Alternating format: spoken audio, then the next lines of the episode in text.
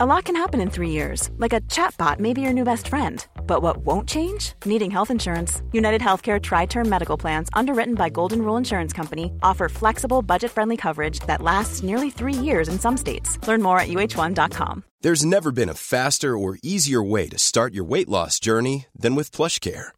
PlushCare accepts most insurance plans and gives you online access to board-certified physicians who can prescribe FDA-approved weight loss medications like Wigovi and Zepbound for those who qualify. Take charge of your health and speak with a board-certified physician about a weight loss plan that's right for you. Get started today at plushcare.com slash weight loss. That's plushcare.com slash weight loss. plushcare.com slash weight loss. Millions of people have lost weight with personalized plans from Noom, like Evan, who can't stand salads and still lost 50 pounds. Salads, generally, for most people, are the easy button, right? For me, that wasn't an option. I never really was a salad guy. That's just not who I am. But Noom worked for me. Get your personalized plan today at Noom.com. Real Noom user compensated to provide their story. In four weeks, the typical Noom user can expect to lose one to two pounds per week. Individual results may vary.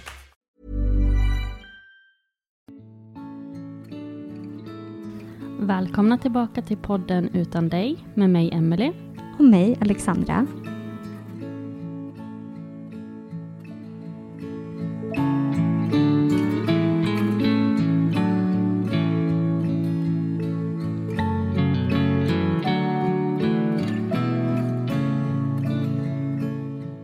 Och idag har vi en gäst här hos oss som heter Steffi. Ja, Välkommen. Hej. Tack, tack. Och du skulle ju ha haft din kära syster Mickan också med. Ja, Men det blev bara du. det blev bara jag. Hon är sjuk. Och det är inte så bara. Vi är jätteglada att du är här. Ja. Men vi låter ju typ likadant, så det spelar ändå ingen roll. Det är som att vi båda är här. Ja, men det är bra. Du får prata för två. Jajamän, det kan jag göra. Mm. Och vi har ju bjudit in er och dig Mm. idag då för att vi vill höra om eran syster Lussan. Mm. Men sen så är vi också nyfikna att höra om eran podd. För ni har ju också en podd inom samma ämne som den här. Ja, sjukt ju. Mm, jättekul. Men det ska vi nog kunna lösa. Mm. Börja med Lussan. Ja. Ja, eh, vi är ju då tre systrar. Så det är Mickan som är äldst och sen så är det jag, Steffi, och sen så är det Lussan som är eh, yngst. Eh, och eh, vi har väl alltid liksom varit supertajta, vi är ganska nära i ålder, det är liksom bara fyra år mellan Mickan och Lussan och två mellan eh, mig och Mickan. Eh, så vi har alltid varit tajta, eh, hängt massa med varandra. Det har liksom varit, vi har verkligen varit själsfränder liksom. Eh, och 2019, i början på 2019 så åkte Lussan till eh, eh, vårdcentralen för att hon hade ont i liksom sidan, alltså neråt sidan, typ vid livmodern. Eh, och då så sa eh, läkaren, de gav henne diagnosen infektion i livmodern tror jag, eller någonting sånt där. Och eh, fick antibiotika och skickades hem. Eh, hon åt antibiotikakuren i tio dagar och eh, efter det så var ingenting egentligen bättre. Och eh, efter att ha pratat med Mickan i telefonen som gav brandtalet att kvinnor ska inte behöva ha det så här, åk sök hjälp igen liksom. Så åkte hon till eh, gynakuten eh, där de gjorde en röntgen och eh, upptäckte att hon hade förändringar i buken. Och efter det lades hon egentligen direkt in för vidare eh, prover. Och eh, vid det här laget så bodde Lussan i Göteborg. Eh, resten av familjen bodde i Stockholm. Så mamma åkte egentligen ner liksom direkt. Och eh, vi, jag, Mickan och pappa eh, var väl typ så här, nej men vi får också åka ner liksom. För att man, man, man måste liksom vara där typ. Så vi åkte ner, hon genomgick massa olika tester, det var PET-scan och alltså allt vad det nu heter liksom. Eh, och de upptäckte förändringar i levern, buken och lungan. Och till slut så eh, fick hon diagnosen eh, äggstockscancer. Och vid det här laget var hon då 25 år gammal. Det här tog de ju senare då eh, tillbaka. Men det, ja, det kommer jag i och för sig till sen. Men eh, när hon fick den här diagnosen så sattes hon direkt på eh, cellgiftsbehandling och genomgick den eh, tre gånger. Tre behandlingar hann hon få. Eh, och sen så efter att vi skulle liksom få eh, svar från eh, vad den, alltså efter tre behandlingar så gjorde man nya tester för att se vad som hade hänt. Och det var egentligen inget bättre, utan det hade bara blivit mycket, mycket, mycket sämre. Under hela den här perioden som är, vad är det, två och en halv månad kanske, så eh, pendlar vi liksom hela familjen mellan eh, Göteborg och Stockholm. Så vi liksom byter av varandra så att någon är där hela tiden liksom. Sen åkte vi ner hela familjen vid påsk och var tillsammans. Och då var det någonting som hade hänt, liksom. Att hon hade blivit väldigt drastiskt mycket sämre. Och jag kommer ihåg när jag kom ner till Göteborg och Mickan liksom ringde och bara, jag vill bara förbereda dig på liksom att det har blivit ganska mycket sämre. Det var, då blev det liksom lite så här chock att typ se henne liksom, för att hon hade blivit så mycket sjukare. Och vid det här laget så var hon också, hon var, hon var liksom hemma men gjorde behandlingen på sjukhuset. Och sen så firade vi liksom påsk tillsammans med familjen. Vi hade så här supermysigt, det var jättefint väder, vi satt ute, vi åt tårta liksom, och hon var ändå med. Och sen åkte vi, jag, Micken och pappa, åkte hem tillbaka till Stockholm. Eh, och vi hann inte var hemma i ens 24 timmar innan mamma ringde igen då. Och eh, sa att nej, nu måste komma tillbaka. Det är liksom, läkaren säger att hon inte kommer klara sig genom natten. Så vi bokade ju tågbiljetter direkt och liksom åkte egentligen på en gång, bara möttes upp och drog. Och det var ju en sjuk känsla liksom att sitta på det här tåget och veta om liksom att man åker ner för att så här, säga hej då till sin lilla syster för sista gången. Eh, vi kom fram och efter det, efter den dagen så levde ju Lussan i ungefär tio dagar till ändå. Så hon, hon höll liksom ut. Och eh, de dagarna var vi egentligen alltså dygnet runt alltså på sjukhuset. All, vi liksom byttes av och sov där och så här, var med henne hela tiden. Och sen första maj 2019 så tog hon sitt sista andetag. Var ni där allihopa då? Mm, vi var där allihopa. Hela familjen, Mickans man Anton eh, och eh, Lussans eh, kille Felix. Så det var ändå fint. Men det var ett väldigt snabbt förlopp. Det var ett väldigt snabbt förlopp. Eh, det var bara eh, tre månader egentligen från att hon eh, eh åkte in till att hon eh, gick bort. Och det är ju liksom väldigt ovanligt, alltså det är så här extremt, extremt, extremt ovanligt vid eh, den åldern som hon var. Alltså dels den typen av cancerform är väldigt ovanlig när man är väldigt ung. Och också förloppet och hur aggressivt det var. Läkarna trodde ju egentligen inte att hon hade börjat bli sjuk förrän precis innan jul. Alltså så här, så det, det är liksom, det är så overkligt snabbt verkligen.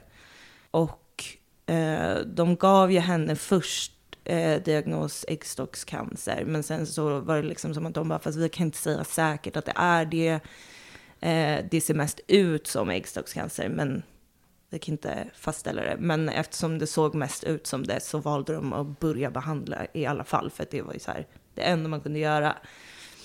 Och det hon hade var en så kallad, för vi fick ju åka på så här läkarsamtal sen, efter man gör ju så här obduktion för att så här fastställa orsaker och sådär.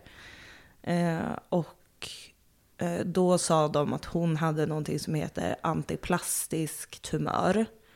Vilket innebär att eh, tumörerna ser ut som blobbor typ. Istället för, annars kan man ju avgöra cancerformen beroende på hur, hur tumörerna liksom är formade typ. Mm. Men i hennes fall så var det bara liksom ingenting. Alltså de bara, vad är det här? Och det var, såg mest ut som en äggstockscancer. Men det de kunde fastställa var att det oavsett var en gynekologisk cancer.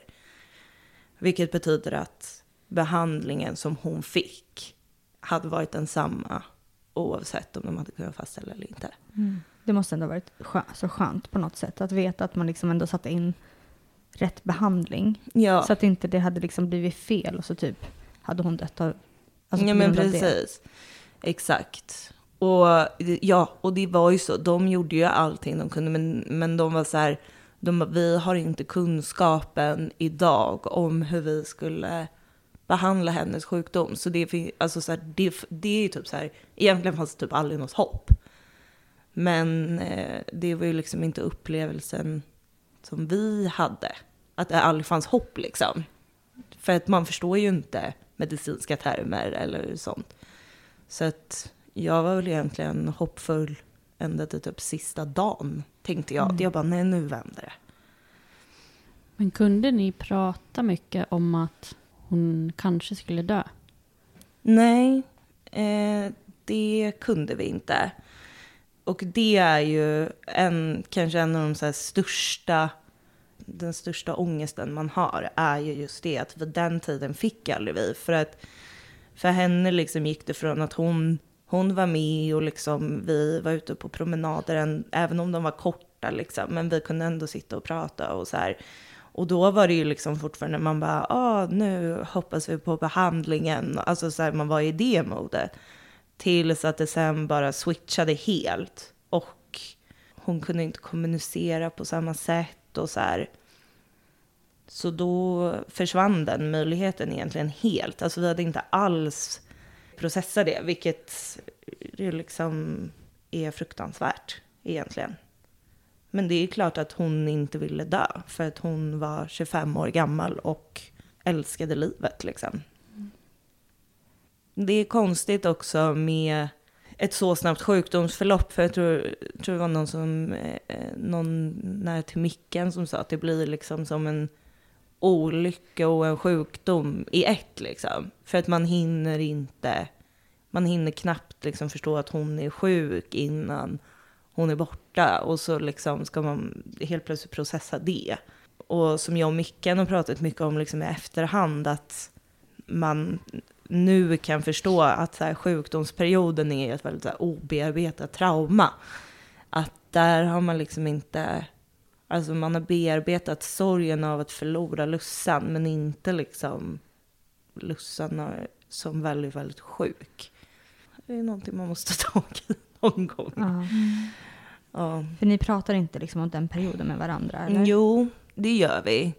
Men jag tror att vi alla kanske har hittat ett sätt att prata om det på utan att det blir för tufft. Alltså så här, det är alltid jobbigt att prata om, men när, alltså så här, jag kommer ihåg i början så var, när man liksom var i den här chocken, så minns jag att då pratade vi jättemycket i familjen liksom om så här, vi, vi liksom gick igenom de här sista dagarna i huvudet så här, om och om och om igen. Och liksom kunde ju dem utan till klockslag, vilka som var var. Alltså allt det gick vi igenom. Vad åt man den dagen? Alltså på ett så här maniskt sätt nästan. Medans nu pratar vi inte alls om det lika ofta skulle jag säga. Men när vi pratar om det så finns det liksom ett sätt att prata om det som ofta ser väldigt likadant ut. Men efter att hon hade dött, Mm. vad hände då? För ni, ni var ju i Göteborg, Mm. men ni bor ju i Stockholm. Och hon, jag vet inte, vad gjorde hon i Göteborg? Men Lussan var ju utbildad geograf till eh, hela vår familjs förvåning, som inte förstår någonting om när hon sa då att hon skulle plugga geografi, så eh, var det konferens i familjen och alla bara vad fan gör en geograf? För alla bara kartor. Eh, men hon älskade, hon älskade det. Så hon bodde där och jobbade där liksom? Mm, exakt. Nej men efter, alltså för det första är det så konstigt, eh, liksom det första första som händer när man ska lämna sjukhuset. För att det vill man ju liksom inte göra, det har ju blivit så här ens hem. Man blir så nära liksom alla som jobbar där och eh, det är liksom tryckt, kaffet smakar likadant, alltså det finns alltid kakor. Alltså så här, det är liksom, det är verkligen hemma. Eh, så det var ju otroligt otryggt att lämna det. Eh, vi åkte väl därifrån efter några timmar, jag vet liksom inte exakt. Eh, och sen så eh, tog vi väl egentligen taxi hem till eh, Antons lägenhet. Eh, för han bodde ju då också i Göteborg vid det här laget. Och Och Anton är Mickans. Mickans man. Ja. Precis. Ja, de gifte ju sig precis då. då. Okej. Ehm, nej men då åkte vi hem. Jag, eh, Mickan, mamma, pappa och Anton till Antons lägenhet på typ 30 kvadrat. Eh, och eh, totaldäckade. Alltså totaldäckade. Och sov i flera timmar. Eh, sen eh, vaknade vi där någon gång på eftermiddagen eh, och Eh, började dricka vin och satt och snackade och bara försökte typ så här förstå vad som hade hänt. Sen så bara, vi måste så här, vad kan vi göra typ? Eh, vad gör vi ikväll liksom? Och då bestämde vi oss för att gå till eh, en av Lussans favoritrestauranger i Göteborg. Och så var vi där och käkade middag. Eh, och sen egentligen direkt efter det så var det bara dagar av liksom planering typ. Alltså man sätter ju igång direkt. Jag tror vi var kvar i Göteborg i så här fyra, fem dagar. Eh, vi liksom gick igenom hennes kläder, vilket var alldeles för tidigt egentligen, men det var ju så här tanken på att så här, lämna det och åka hem och sen behöva komma tillbaka, så vi bara gjorde det liksom. Men det förstod man ju inte då att det var för tidigt, men det var för tidigt. Eh, pappa började hålla på, ni vet, med dödsbo och liksom allt sånt där och bara fixade massa praktiska grejer. Eftersom hon bodde i Göteborg så var det liksom saker som behövde fixas där. Och sen efter det så åkte vi ju hem till Stockholm och eh, började egentligen planera en begravning. Men den tiden är i alla fall för mig väldigt mycket liksom en dimma. Att jag minns inte det så jättemycket jättemycket vad som hände då. Liksom. Jag, jag minns de gångerna vi var på begravningsbyrån typ och vad vi gjorde eh, inför begravningen. Men det är ungefär där det tar slut. Alltså vad, vad fördrev jag mina dagar med? Jag vet inte. Var var jag någonstans? Jag vet inte. Alltså så här, jag minns liksom ingenting. Men man, det jag vet är ju, alltså så här, man var ju i en sån extrem chock liksom. Mm. Hur, hur lång tid efter att hon dog hade ni begravningen? Mm, det var, var fyra veckor efter eh, kunde vi ha begravningen. Och det var en jättefin begravning. I, eh, hon är ju, vi är uppväxta på Lidingö, så vi hade begravning i Lidingö kyrka. Och det var liksom väldigt hon, typ hela liksom, eh, begravningen. Det var jättefint och jag grät på ett hysteriskt sätt. Liksom. Jag, tror att det där, det, jag har förstått att det där kan vara så olika. Liksom, vissa fäller inte en tår.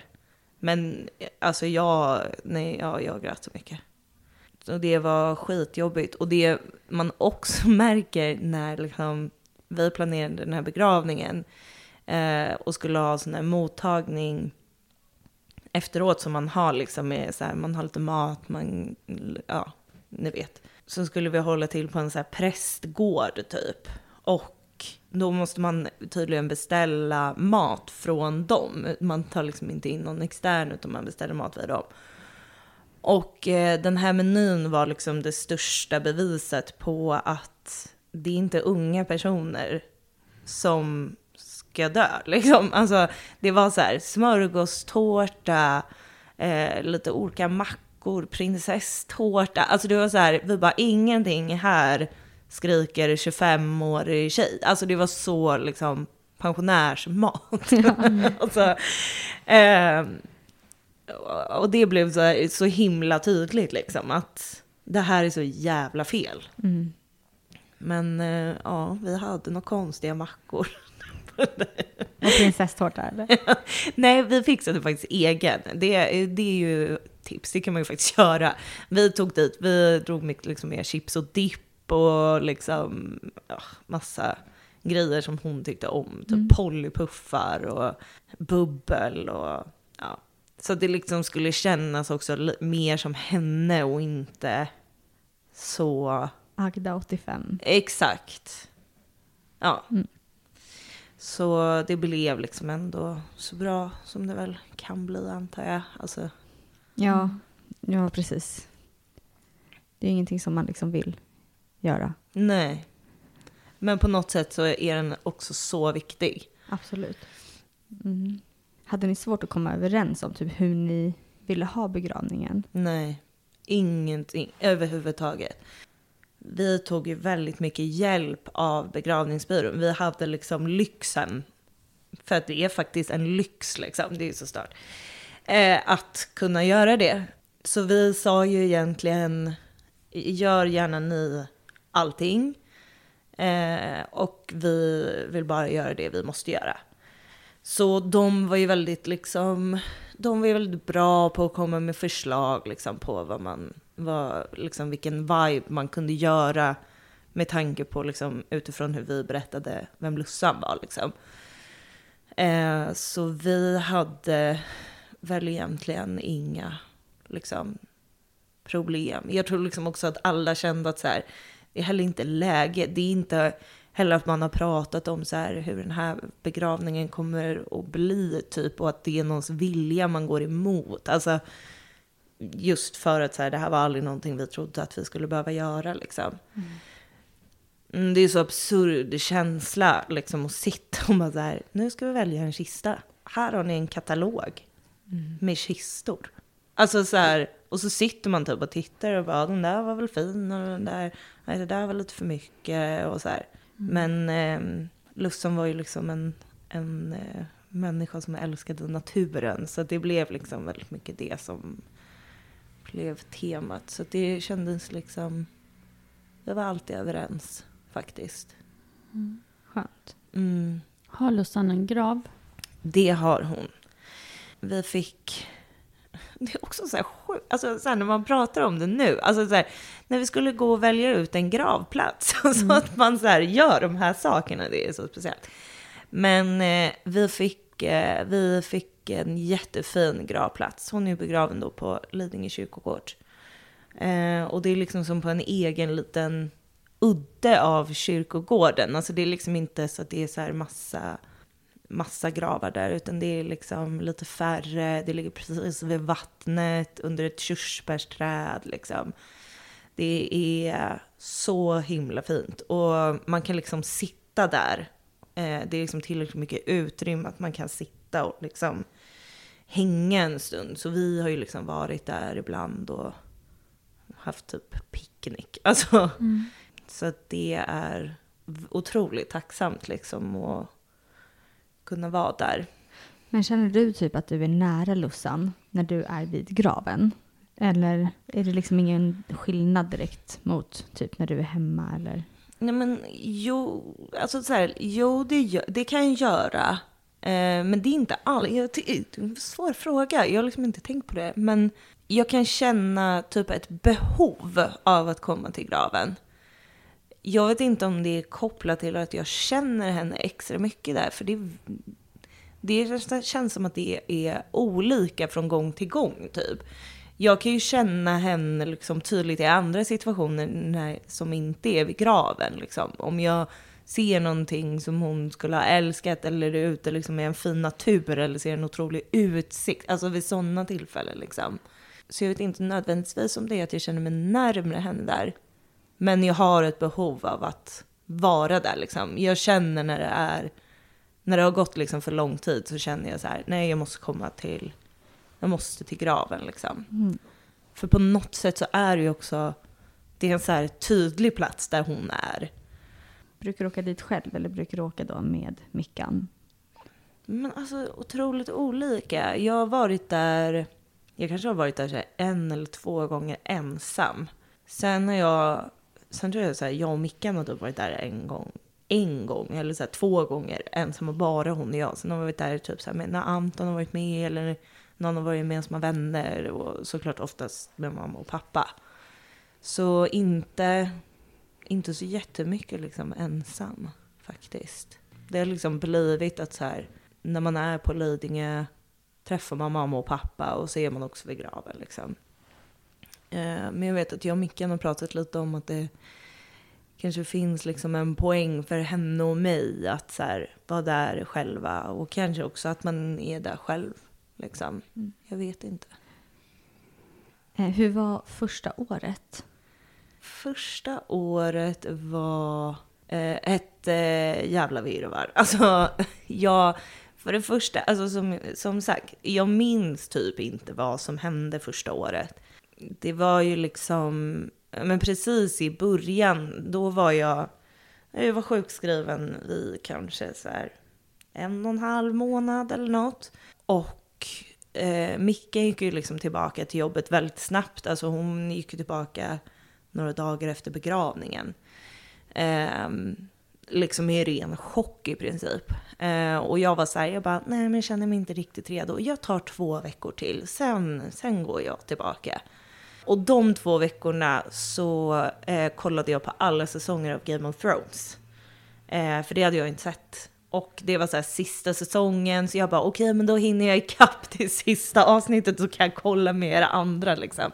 Så jag eh, sträckkollade Game of Thrones. Sen så eh, tyckte jag då tillsammans med min läkare att det var en bra idé då att jag skulle tillbaka till jobbet i tre veckor innan jag skulle gå på semester.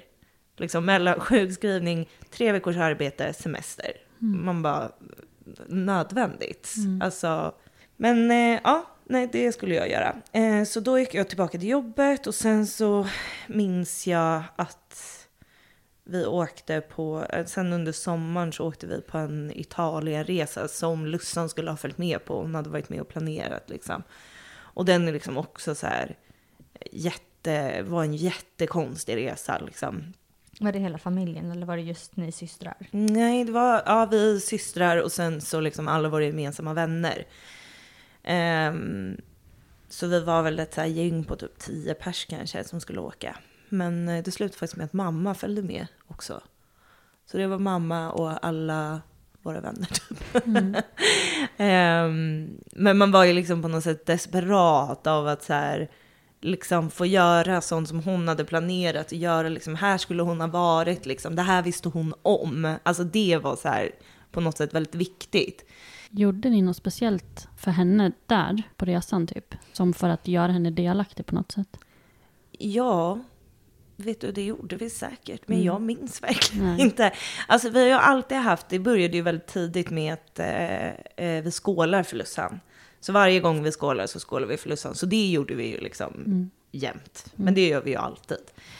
Ehm, men liksom resten av året var ju i princip, alltså jag jobbade och eh, mådde skit egentligen, fast eh, ville väl inte typ veta om det. Jag och Mickan bodde ju tack och lov tillsammans vid den här perioden, så vi hade liksom varandra.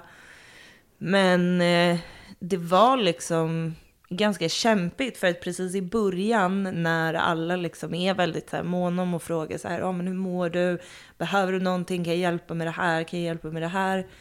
Det är liksom inte då man behöver det, utan så här första liksom, månaderna var i alla fall vi i liksom extrem chock. Och då klarade, jag, klarade man ju typ av på något sätt. Alltså man, man träffade, liksom man var ute och gjorde saker. Man träffade, så här, vi var på 30-årsfest en månad efter att Lussan hade gått bort. Och liksom man lagade mat och eh, liksom men så här, klarade typ att ha ett liv.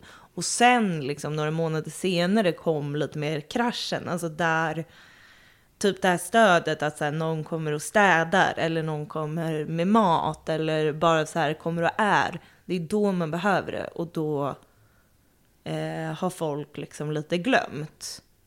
Eh, inte våra närmsta liksom, obviously, men liksom alla. Man, folk glömmer ju bort för att så här, det är inte eh, the center of their lives. Men mm. det är liksom konstant eh, min.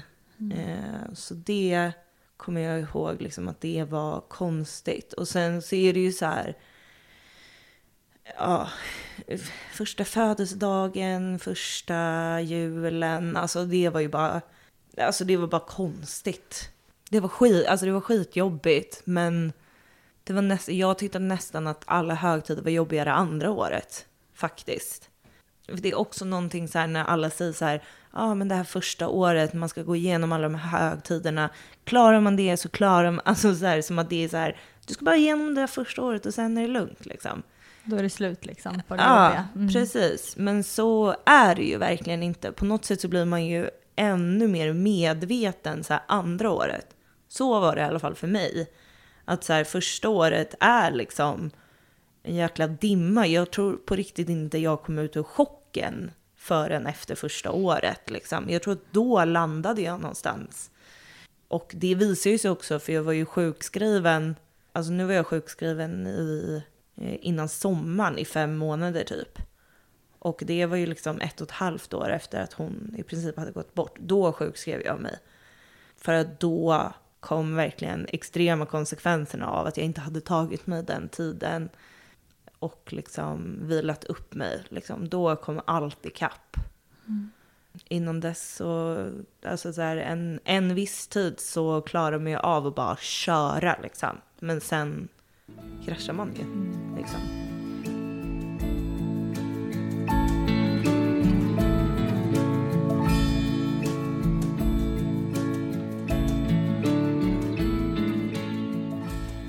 Jag tänker på typ som du och Mickan, ni pratar ju väldigt mycket om det här. Mm. Eh, har ni kunnat liksom stötta varandra i er sorg? Mm. Eh, och typ sörjer ni liknande eller sörjer ni på två helt olika sätt liksom? Alltså vi kan ju absolut stötta varandra. Jag och Micken har ju en relation när vi pratar kanske fem gånger om dagen. Alltså så här, vi pratar alltid. Vi, liksom, vi sitter ju ihop. Lär du känna liksom, mig så lär du känna Micken och tvärtom. Liksom. Det är liksom inte sörjer på samma sätt. Alltså jag vet typ inte ens vilket sätt jag själv sörjer på. Liksom. Alltså jag vet inte. Eh, ibland är jag ledsen, ibland är jag glad, ibland är jag utmattad det som har varit är att vi nästan aldrig samtidigt har varit på samma ställe. Liksom. Att när hon var liksom väldigt deprimerad, då kunde jag liksom vara där och så här, eh, Eh, liksom ta tag lite i henne och så här, okej, okay, men jag kommer, jag, jag gör det här typ. Och liksom när jag var där så, kunde, så var hon liksom lite bättre och kunde liksom finnas där för mig. Så att vi har liksom alltid varit där för varandra liksom. Men eh, jag tror för mig tog det liksom väldigt lång tid innan jag kunde eh, sätta ord på så här, vad det var jag kände och liksom för att jag förstod inte vad det var jag hade varit med om så det var så svårt att liksom sätta det i ord och att jag liksom inte kände efter riktigt ordentligt för att det är, det är väldigt läskigt när man gör det liksom. Ja, nu vet jag inte vad jag försvann i de här tankarna men jag bara började tänka på det här med vad man sörjer på för sätt. Men eh, det sättet som vi är lika är ju att vi är väldigt öppna båda två. Alltså vi har inga problem att prata om det. Jag har heller inga problem med att säga så här, jag vill inte prata om det nu, om någon frågar liksom. Och vi är väldigt måna om att eh, berätta om Lussan och liksom den hon var och inte bara att hon var sjuk liksom, utan att hon också får leva vidare liksom. Mm. Så det är väl ett sätt att sörja på antar jag också. Ja. Men om du, om du är på något nytt ställe och träffar mm. nya personer och de frågar typ, ah, hur många syskon har du? Mm. Vad brukar du säga då? Ja, det här är ganska intressant för att jag eh, hade eh, den här äh, ångesten inför att jag skulle börja på eh, jag började på en eh, skola i, eh, och skulle liksom flytta till ett nytt ställe och jag bor ju där på skolan. Och då hade jag så mycket liksom ångest inför det här. Att jag bara, åh gud, jag vet inte, så här, nu kommer jag behöva förklara liksom. Och att det, det alltid kommer upp. Och jag bara, oh, kommer jag orka det? Och så var Mickan så här, hon bara, men du behöver bara berätta det, det du själv vill berätta liksom. Eh, och, men det tar ju liksom, alltså jag kan ju inte, jag kan ju inte inte säga, så fort folk frågar så här, ja ah, men, ja ah, din syrra, ah, okej, har du några fler syskon? Ja, ah, jag har en lilla syster men hon gick bort för två och ett halvt år sedan i cancer. Alltså så här, det, det är liksom, det är det som kommer. Jag kan liksom inte, jag kan inte säga någonting annat. Det är bara så här, det är det som är. Vi är tre systrar, men en lever liksom inte. Men det är svårt att berätta någonting sånt liksom fort Mm. för någon. Ja, men jag kan också, jag tycker att, man, alltså så här, för mig, jag har ändå upplevt att det har typ gått ganska bra. Att, så här, att jag liksom kan säga, ja men jag förlorade min lilla syster för, ja så, så länge sedan, eh, hon hade cancer. Eh, och sen så liksom eh, frågar ibland folk mer, ibland så inte mer. Jag, och då kan jag också säga så här, ja, men det orkar jag liksom inte prata om. Nu, jag orkar inte gå in på det. Och då är liksom, där på den skolan har jag upplevt att det liksom inte har varit några problem. Men det är ju inte alltid eh, facts i resten av världen. liksom i resten av ens omgivning. Eh, men just där har det varit fine. Men eh, det här var ju liksom en jättestor spärr för mig och typ så här med och typ så här dejta och liksom sådana grejer. Så här spärr att så här, som jag inte ens förstod själv, men att så här, ta in en person som jag ska lära känna. Dels den här frågan som kommer med så här, ja ah, men eh, syskon som vadå kommer efter två minuter typ. Eh, och sen så här, lära känna en person som aldrig kommer förstå eh, vem Lussan var på riktigt. Liksom. Kommer aldrig ha träffat Lussan, kommer kanske aldrig helt förstå mig heller. För att så här, Lussan är en så stor del av mig. Eh, och det var liksom en jättestor sån spärr. Och jag hade den spärren väldigt mycket med nya människor generellt i början verkligen. Att jag så här, jag hade jättesvårt att ta in nya vänner liksom. Men kan du känna att det, eh, att det kan vara jobbigt att prata om det för att det ska bli jobbigt för andra? Eller är det mest liksom, för dig själv? det baseras ju mycket på reaktioner som jag har fått eh, från omgivningen. Det är ju liksom inte eh, ovanligt att eh, motparten börjar gråta eller liksom blir så här, åh gud vad hemskt, nej men åh gud jag kan inte ens tänka mig. Man bara, nej du kan inte tänka dig för du är inte i den situationen. Jag är i den situationen, så du behöver inte tänka dig att du ska vara i den situationen. Och det har ju varit otroligt frustrerande. Eh, och det har väl gjort att man har varit lite så här eh, avståndstagande. För att man orkar inte heller, alltså jag har liksom fullt upp med mig själv och mina känslor. Jag orkar inte ta hand om dina känslor också. Och därför så blir det ju som att man hellre då sätter upp den liksom, spärren istället för att ens eh, liksom tillåta sig själv att hamna i den situationen. Ja, jag förstår precis vad du menar. Mm. Man har liksom blivit typ både så här att man tycker mer om folk och mindre om folk. 100 procent, ja Mm. verkligen. Men man lär sig eh, vad, man, eh, vad man inte klarar av och vad man liksom klarar Mm. av. Ja, alltså jag kan ibland tycka också så här när man berättar om det man har varit med om så typ så här Mm. förminskar man det själv. Mm. För Ja. att typ så här, ja men det är typ ingen fara. Nej, så här, ja, men det är så länge sedan och det var ju inte Ja. så nyligen och allt vad man säger. ja. Och det är ändå så här, det är ju hemskt liksom att man, Mm. det känns ibland som att man typ förminskar den personen som man har förlorat Mm. lite.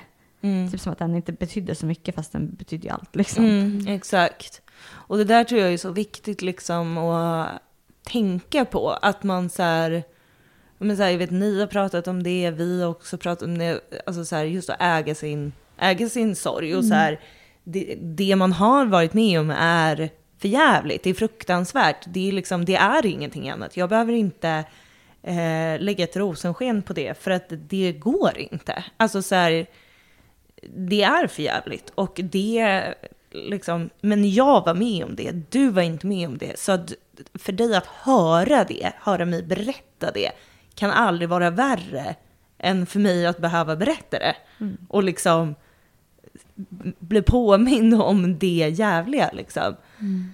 Så på något sätt så måste man fan bara stå upp för sig själv lite. Mm. Men om du tänker på Lussan nu, mm. eller liksom tänker du mycket då på glada minnen eller får du upp sorgliga saker först?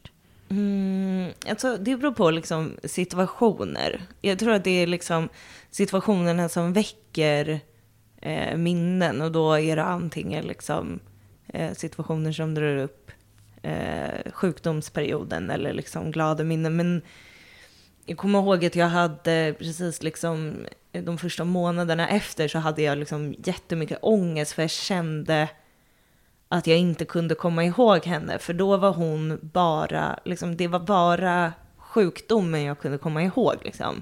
Och det var ju också så här, chocken som är i kroppen, liksom, alltså man, man kommer inte längre bak än den liksom, chocken som var.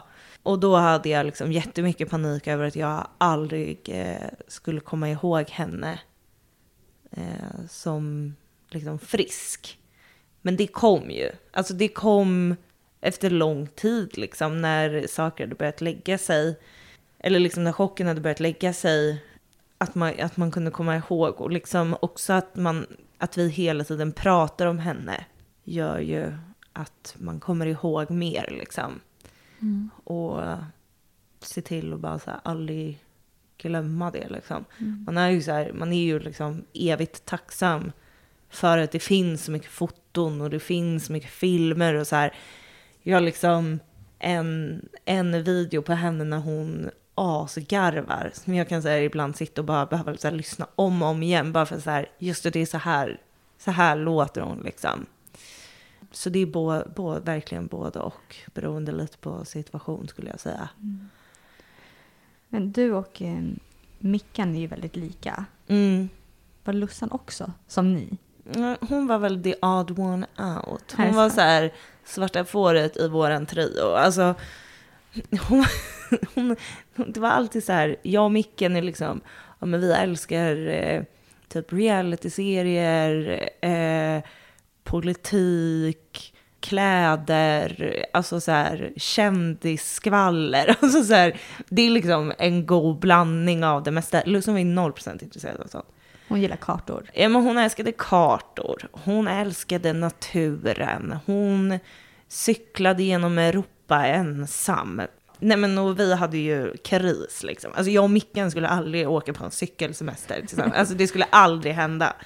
Vi kan, liksom, vi kan cykla från Skarpnäck till Enskede, men där, där, det, är liksom, det är den längsta cykelturen vi tar. Mm men hon älskade att vandra och eh, hon eh, planerade ju eh, innan hon blev sjuk att hon skulle åka typ någonstans i Sydamerika typ och utbilda sig till forsränningsinstruktör. Nej men det skulle ju, alltså det skulle ju jag och Mickan aldrig göra. Så på det sättet var hon liksom helt annorlunda. Men hon var också exakt likadan. När vi var tillsammans så var det, vi var så lika hon hade olika andra intressen, men vi var ändå liksom på många mm. sätt extremt lika. Faktiskt. Jag lyssnade på ert avsnitt när ni pratade där om att Mickan hade gift sig. Ja. Och då pratade ni också lite om hur Lussan typ skulle ha klätt sig om hon var med och så. Mm. Det var jätteroligt att lyssna. att det också blev så här helt, eh, helt off. Hon hade haft något så här lite konstigt på sig. Så man bara, vad har du hittat det där? Mm. ja. hon låter speciell. Mm, det var hon verkligen. Hon var så trygg liksom i sig själv från alltid. Typ. Alltså det är helt sjukt. Men hon har liksom alltid varit så här lugn, trygg, gjort exakt det liksom som hon har velat. Och det typ känns som att hon aldrig har tvivlat liksom i hennes nästa steg, vilket är så här otroligt i så ung ålder liksom. En annan bara, äh, fortfarande man bara, vad håller jag på med? alltså, ähm, men nej, hon var liksom aldrig så. Hon bara, nej men jag, nu vill jag cykla genom Europa, så nu gör jag det. Typ. Alltså hon så här, gjorde allting hon sa. En annan är ju så här, en av tio saker händer typ. Men hon bara så här, gjorde allt. Mm. Så sjukt. Men hon levde verkligen då livet så som hon, hon ville. Hon levde verkligen livet. Det gjorde hon verkligen.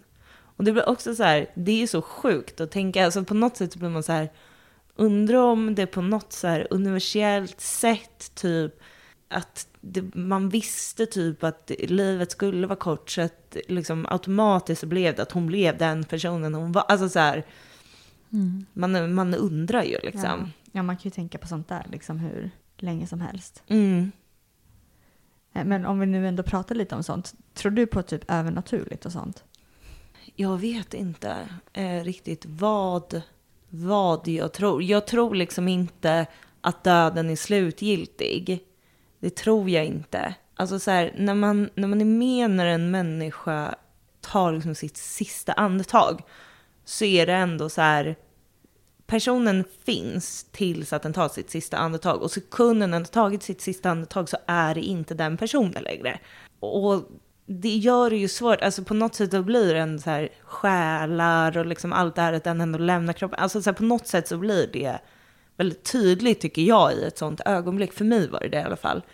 Så jag tror ju eh, någonting liksom. Alltså jag har ändå så här, hon har ändå liksom kommit in ibland i mina drömmar. Hon har funnits i Mickans drömmar. Alltså så här, och de drömmarna är liksom alltid annorlunda än vanliga drömmar. Så, här, så här, på något sätt så tror jag att det finns liksom någonting. Men jag kan inte alls formulera vad det är. Men eh, jag, alltså jag kommer ihåg så här, typ precis efteråt, alltså jag satt ju på jobbet och pratade med lampor för att jag upplevde att så här, när jag kunde sitta vid mitt bord, så, alltså de här skrivbordslamporna, att de började så här flimra och jag bara, Lussan är det du? Och så flimrade det och jag bara, men gud, hej typ. Och så flimrade det och så här, så satt jag liksom och hade konversation. Det hände flera gånger, så att jag pratade med lampor, jag var helt säker på att det var hon. Och det var det kanske också. För andra såg det nog rätt sjukt ut att, de viskade till en lampa. Men man, ja, så flummigt svar. Men eh, det är så svårt. Det är svårt med sånt där liksom. Men jag vägrar ju att tro att det liksom är that's it, att hon liksom inte finns. Alltså hon fin jag, jag kan ju fortfarande liksom känna att hon finns med liksom. I stunder och liksom så. Mm. Brukar ni typ fantisera om att hon är någon annanstans? Nej. Eller det enda vi säger är ju så här, farmor och Lussan, att de hänger liksom.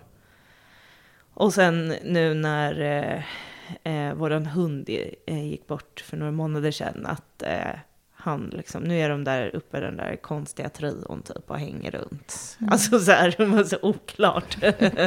Men eh, de har det toppen liksom. Mm. Så det, det är väl typ det som man kan fantisera om vad de håller på med. Men liksom inte något mer utstuderat än så, mm. skulle jag säga.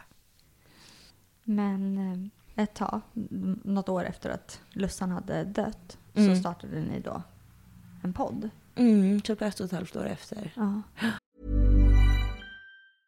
Hey, I'm Ryan Reynolds. At Mint Mobile, we like to do the opposite of what Big Wireless does. They charge you a lot, we charge you a little. So naturally, when they announced they'd be raising their prices due to inflation, we decided to deflate our prices due to not hating you. That's right. We're cutting the price of Mint Unlimited from $30 a month to just $15 a month. Give it a try at mintmobile.com slash switch. $45 upfront for three months plus taxes and fees. Promo rate for new customers for limited time. Unlimited more than 40 gigabytes per month. Slows. Full terms at mintmobile.com. Everyone knows therapy is great for solving problems, but getting therapy has its own problems too, like finding the right therapist, fitting into their schedule, and of course, the cost. Well, BetterHelp can solve those problems. It's totally online and built around your schedule. It's surprisingly affordable too. Connect with a credentialed therapist by phone, video, or online chat, all from the comfort of your home. Visit betterhelp.com to learn more and save 10% on your first month. That's BetterHelp, H E L P. Och hur kom det sig? Det kom ju sig av att vi var väl båda väldigt, alltså så här, väldigt sökande efter liksom historier som var personliga, relaterbara. Liksom, för att det, det är så svårt att eh, upplevde i alla fall jag och Mickan, tror jag också jag kan tala för, att, så här, att det i början är väldigt svårt att liksom sitta och kanske prata med en psykolog eller så här, ta in liksom det här väldigt så här, tekniska pratet om sorg, eller vad man ska säga, så här, reaktioner och eh, vad chock är så här. Utan jag behöver så här höra typ att någon annan också typ så här går ut och äter middag samma dag som man har förlorat någon, eller så här gå på en fest en månad efter. Men det liksom, det fanns inte. Och några månader efter att Lussan hade gått bort så var vi i ett så sammanhang med Ung Cancer där vi träffade massa eh, både cancerdrabbade och eh, närstående.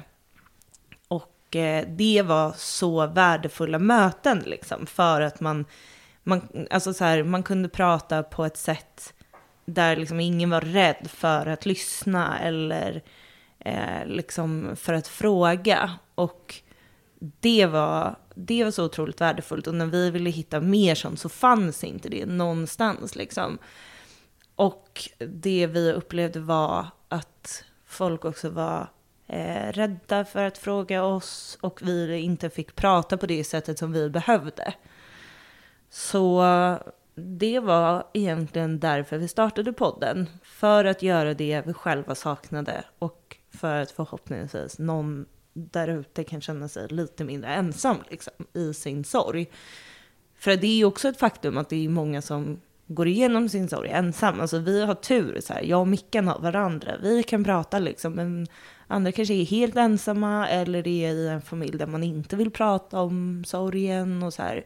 Fast man själv har ett jättestort behov av det. Då behöver man höra andras historier, inte liksom bara en psykolog. Så då startade vi podden Vem vill prata med en sorgsen? det är ungefär exakt så det känns, men vem vill det? det kändes som att ingen ville prata med oss eh, och vi behövde, få, vi behövde få prata. Och där pratade vi egentligen om eh, sorg och så här, allt som ryms där i. Alltså vi är ju så här en duo som liksom inte bara är ledsna, utan vi är också kul. Alltså så här, vi, vi har en jargong, så här, vi sitter och skrattar i en sekund, vi sitter och gråter. Alltså det är så här alla känslor, det är inte bara att vi liksom sitter och är så här ledsna hela tiden. Och det är det du ska lyssna på i 45 minuter, utan så här, vi är också så här två personer. Och det tror jag att många liksom har så här, eh, känt varit skönt. Liksom. Att, att jag i podden har så här sjukskrivit mig. Liksom. Alltså den så här, resan kan man liksom följa från att vi börjar podden till att jag bara, oh, jag mår lite sämre, jag mår lite sämre, oh, nu är jag sjukskriven, oh, nu ska jag börja på den här skolan. Alltså så här, det har hänt så mycket liksom. Det är så liksom verkligt och så ärligt. Um, och det tror jag har varit liksom att många har liksom kunnat relatera till. Och också så här skönt för oss själva. Att så här, vi sitter och pratar om de sakerna som, är, eh, som man kanske inte alltid är så bekväm att prata om. Alltså så här, vad man eh, känner att man ångrar eller vad man känner att man gjorde för fel. Och så här. Alltså sånt som är alltså, så jobbigt att man nästan inte vill berätta för sig själv. Ja, men det är ett jättebra sätt liksom att bearbeta. Mm, det är verkligen det. Men sen tror jag, som du sa nu här, att eh, många tror nog att sådana här poddar är mycket att man sitter och liksom grinar sig igenom. Mm. Men det är som nästan alla gäster vi har träffat, det är ju mer skratt åt fina minnen liksom än eh, att folk har fällt tårar egentligen. Mm. Och det är lite häftigt på ett sätt, alltså att, att det får vara så också. Ja, och att så här, sorg är inte en känsla som är lika med ledsen. Alltså så här, sorg är så stort. Mm. Det är liksom, sorg är saknad av en person man älskar, som man har förlorat. Ja, I det här fallet, sen är sorg en massa andra saker, men ni fattar. Mm. Men i det så är det ju liksom alla de här minnena som jag har av lust. Alltså det är inte liksom att jag bara, oh, typ att jag är ledsen när jag tänker tillbaka på eh, så här roliga stunder vi hade tillsammans. Men bilden är på något sätt att det är så här, om jag berättar en rolig historia, alla bara, hmm, mm, ja. Man bara, men det var kul, kan ni skratta liksom? Alltså så här, det var ju en rolig historia. Jag vill inte så här, att varje gång jag pratar om Lussan så ska folk se på mig med medlidande typ. Alltså det är inte, det är inte det jag önskar. Det är liksom, det är mer, det betyder inte att jag liksom är ledsen och kommer börja gråta här och nu liksom. Det är ju liksom glädje, det är ångest, det är ilska, det är, är ledsamhet, det är, alltså det är allt. Och det är med en hela tiden. Alltså så här, jag kan inte, jag väljer inte när jag ska ha min sorg eller när jag inte ska ha min sorg. Min sorg är med mig hela tiden. Och jag kan ju inte gå runt och vara ledsen 24-7 liksom. Nej men det vill man ju inte. Nej, liksom. jättejobbigt. ja. ja. Men eh, ja, det är ju liksom en process att så här förstå det där. För att jag tänker att det är det som liksom är problemet när, eh, när man inte har hittat de här historierna eller liksom, om man inte har haft turen att hamna i de här sammanhangen liksom, där andra har varit med om liknande saker. Det är ju att man går runt och känner sig fel hela tiden för att så här, synen på eh, sorg i samhället är liksom att vi, vi pratar inte om det, det är jobbigt för den här personen som går igenom det här, så man ska inte riktigt lägga sig i. Man tar det om den personen kanske vill prata om det, men man ska inte fråga, man är ledsen hela tiden, man måste så här, eh, kan man inte relatera så, behöv, så ska man helst bara hålla sig undan. Alltså den här bilden som finns som är så motstridig till vad man själv känner. Och det blir en sån himla krock när man, när man då går runt och känner så här, jag måste få prata, men så drar sig folk undan. Och så känner man sig som typ en alien. Och bara, vad är det för fel på mig? Sörjer jag fel nu? Borde jag göra på något annat sätt liksom? Och så går man runt och tänker på det istället för att så här, faktiskt sörja, faktiskt liksom få processa det man har gått igenom. Det tar så himla mycket ansvar. ja. Och tar mycket energi och ork från en. Mm. Extremt liksom. Ja, och så tycker jag att det är viktigt också att man, alltså, om man inte har varit med om en sån här grej innan, men kanske vet att man kommer hamna där eller precis har hamnat där. Så det som vi gör med vår podd och det som ni gör med er podd är också att visa att man kan må bra och vara glad och lycklig trots det som man har varit med om. Liksom. Exakt. Och att det inte betyder att det är borta. Exakt. Utan det finns fortfarande där. Men två saker kan existera samtidigt. Liksom. Ja. Och det är ju också en sån här sak som är skitsvår att acceptera. Att man eh, så här, mår bra. Alltså så här, jag och Mickan är båda, lite så här, båda är på ett så här, ganska bra ställe i livet just nu. Liksom.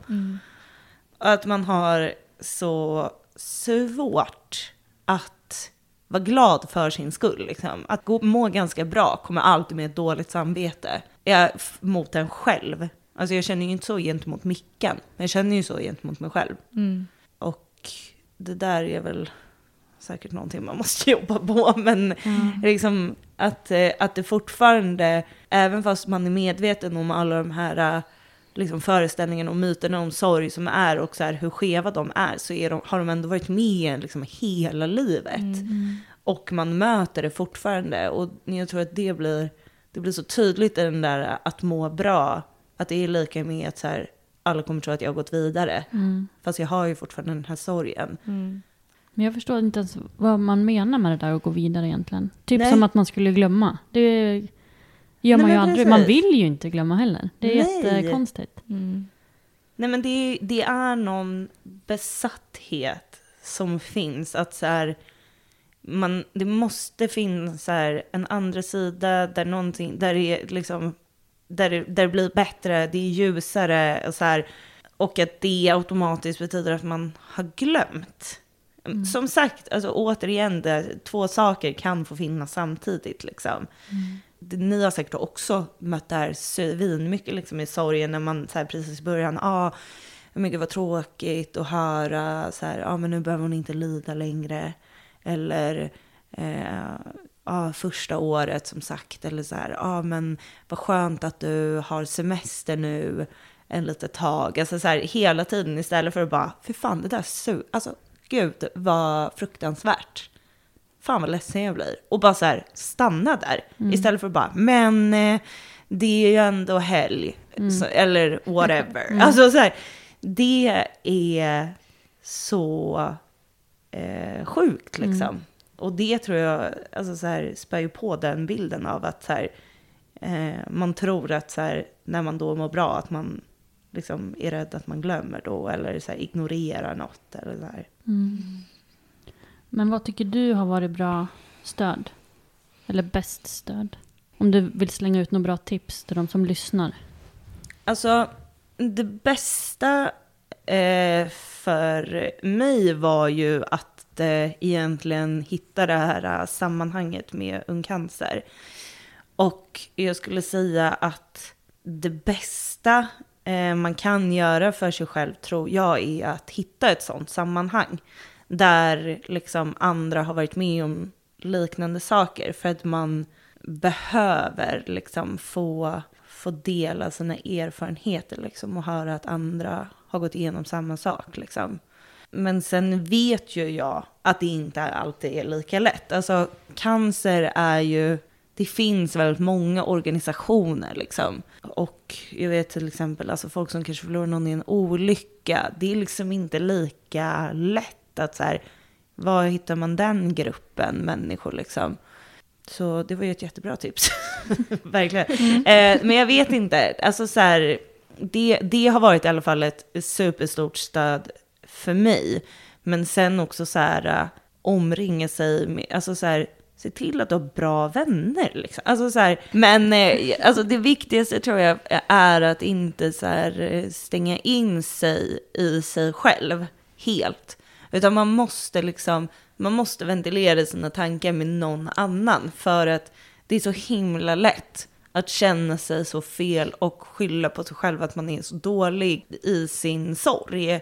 När man bara liksom pratar med sig själv. Man aldrig får höra att så här, men den tanken är orimlig, det är inte sant.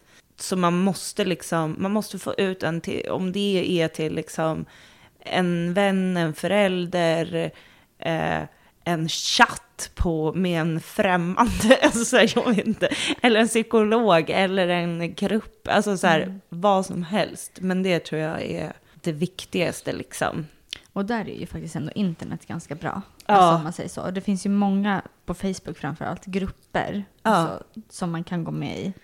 Mm, verkligen. Ehm, För, för de allra flesta liksom, skulle jag nog ändå säga. Mm. Jag kan ju inte prata för alla alla, men det är i alla fall många olika grupper på Facebook. Mm. Om det inte finns på svenska så får man väl haka på någon som är på engelska. Liksom. Ja, men också så här, liksom sök lite på typ så Instagram. Alltså det finns ändå så här konton liksom som har, alltså så här, andra länder som har den här typen av poddar. Eller liksom bara konton som är så här, typ eh, memes om sorg. Alltså det låter kanske sjukt, men det är jätteskönt att följa sådana konton som bara så här, eh, typ imagination versus reality. Eller liksom, om man sitter och bara, exakt så typ. Eh, bara att känna att man är så här, man inte är ensam. Liksom. Man måste hitta någon typ av sammanhang som får en att inte känna sig så ensam. Och det är ju tyvärr lättare sagt än gjort. Eh, man blir ju inte så hjälpt när man är i sorg. Och det är ganska tråkigt att det ser ut så. Ja, det känns som att vården och så kanske inte har så stor kunskap kring just sorg. Mm. Utan att det lätt liksom blir, ja, vet du det, att man blandar ihop det med typ depression. Mm. Fast det egentligen är två olika saker. Liksom. Mm. Ja, det är verkligen två olika saker. Du kan ju vara deprimerad på grund av sorg, men det är ju liksom inte... Det är ju olika anledningar. Liksom. Det man skulle önska fanns var ju bara att så här, alla typer av liksom, eh, såna här läkare, poliser, alltså så, hade liksom olika så här, platser man kan hänvisa personer till. Liksom. Att så här, ja men när vi liksom förlorar vår syster på sjukhuset, ja men då kan sjukhuset så här, här är typ en lista på olika organisationer som jobbar med de här sakerna. Eller liksom, eh, här är ett nummer till eh, en psykolog som är toppenbra. Så här kan du gå sorg... Det finns ju så här sorgmottagningen. Där du kan gå så här, samtal för så här, 300 kronor, vilket är svinbilligt för en psykolog. Liksom. Det finns. Alltså så här, vem visste det? Inte jag, men det finns i Stockholm i alla fall. Eh, det finns liksom jättemånga sådana här och det finns så många människor som sitter liksom på så bra tips. Så det skulle man ju behöva liksom komma ut mer. Ja, det finns mycket som man vill förändra. Mm, verkligen. Det tar aldrig slut. Nej.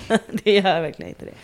det. Och sen, just det, det man kan faktiskt göra, det är ju att be sina anhöriga, eller de personerna som är nära en, att lyssna på er podd, vår podd. Alltså så här, att utbilda sig själva istället för att så här, man hela tiden behöver göra det åt andra. Så här. Ja. men lyssna på den här podden. De här avsnitten förklarar exakt hur jag känner. Det här avsnittet, alltså så här, vi har liksom till exempel ett avsnitt med två av våra bästa vänner som berättar om hur det var att vara liksom anhörig. Alltså det är väl ett jättebra avsnitt att lyssna på. Ni har säkert också sådana avsnitt. Ja, men ni har ju haft massa, alltså ni har ju så många avsnitt där folk pratar om exakt de här sakerna. Alltså be era anhöriga att lyssna på dem. Mm. Väldigt bra tips. Mm. Det börjar bli dags att runda av. Ja. Vi har eh, faktiskt köpt lite bubbel. För vi tänkte att vi ska skåla för Lussan. Nej, Och för gud Ture vad och Sally. fint. Ja, Lussan, Ture och Sally. Mm. Gud vad fint. Det är klart vi ska göra det. Så jag ska hämta det. Ja. Ja. Skål för Lussan, Ture och Sally. Skål. Skål. Skål. Tack för att jag fick komma. Och tack för att du kom. Even